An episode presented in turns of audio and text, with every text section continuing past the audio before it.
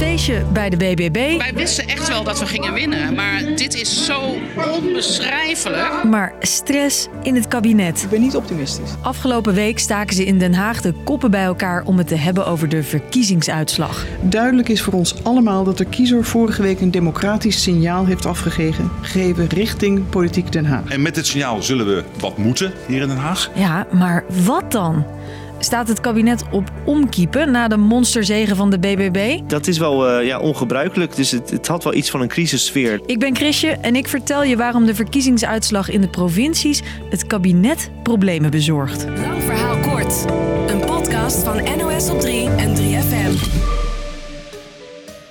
Sinds de provinciale statenverkiezingen is het onrustig in Den Haag. Voor veel partijen viel die uitslag flink tegen. VVD, die partij gaat in het rood, levert wat in. D66, ook zij verliezen. Dan het CDA. Bijna een halvering voor de partij van uh, Bobke Hoekstra. Maar bij één partij kon de omgekeerde vlag uit. Compleet lichtgroen. Overal BBB de grootste partij. Je kan bijna zeggen waar niet. De boer-burgerbeweging van Caroline van der Plas stak er met kop en schouders bovenuit en werd de grootste in alle provincies. Ja, wat gebeurt hier, denk ik? Wat gebeurt hier? En ondanks dat er in het begin vooral felicitaties die kant op gingen, BBB, van harte gefeliciteerd.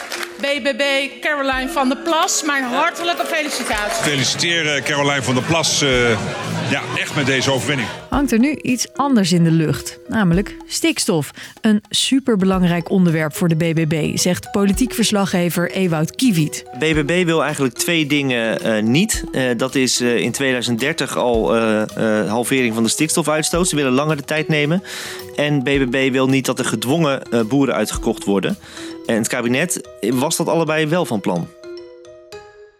En dat betekent dat uh, ze serieus uh, met BBB uh, moeten gaan onderhandelen. Zei Caroline van der Plas naar haar winst. Want ook al gingen deze verkiezingen niet over de Tweede Kamer of het kabinet, ze hebben er wel invloed op. Even een kort lesje politiek. Veel van de plannen die het kabinet bedenkt, moet de provincie uitvoeren. Zoals dus de stikstofplannen. Probleempje dus, want in de provincies komt nu overal de BBB aan de macht. En die staan niet achter die kabinetsplannen. En dat is een glashelder signaal wat wij niet kunnen negeren. Vinden ze zelf. Je hoort Wopke Hoekstra van het CDA, een van de regeringspartijen. Daarom steekt de top van het kabinet twee weken na de verkiezingen een paar keer de koppen bij elkaar. Vooraf en achteraf laten ze telkens niet echt veel los. Ik ga er nu niks over zeggen. We gaan nu eerst met elkaar in overleg. Nee, dit is geen crisis. Nee. Oh, hoe zou je het dan betitelen? Nee, dit is geen crisis. Een eerste gesprek hoeft niet meteen iets heel concreets op te leveren. Maar na het eerste overleg komt premier Rutte wel met een verklaring. En in de eerste plaats hebben we met elkaar vastgesteld dat we verbeteringen moeten aanbrengen eh, op een aantal grote processen waar bezorgdheid, eh, bezorgdheid over bestaat bij de Nederlandse bevolking. Ja, lange quote kort. De aardbevingsschade in Groningen, de toeslagenaffaire en dus ook de aanpak van stikstof moet anders. Maar hoe is nog niet helder. Maar toen, afgelopen vrijdag. Ja, het was wel uh, heel opmerkelijk. Ja. Uh, de ministerraad was afgelopen om half drie. En normaal, kort daarna, geeft premier Rutte dan een persconferentie.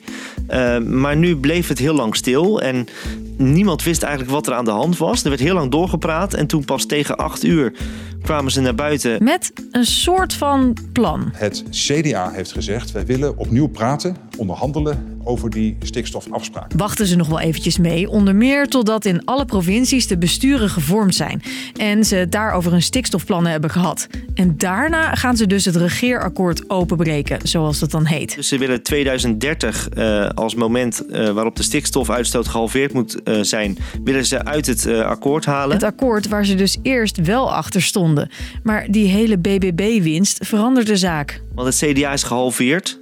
Veel van die mensen zijn nu op BBB gaan stemmen.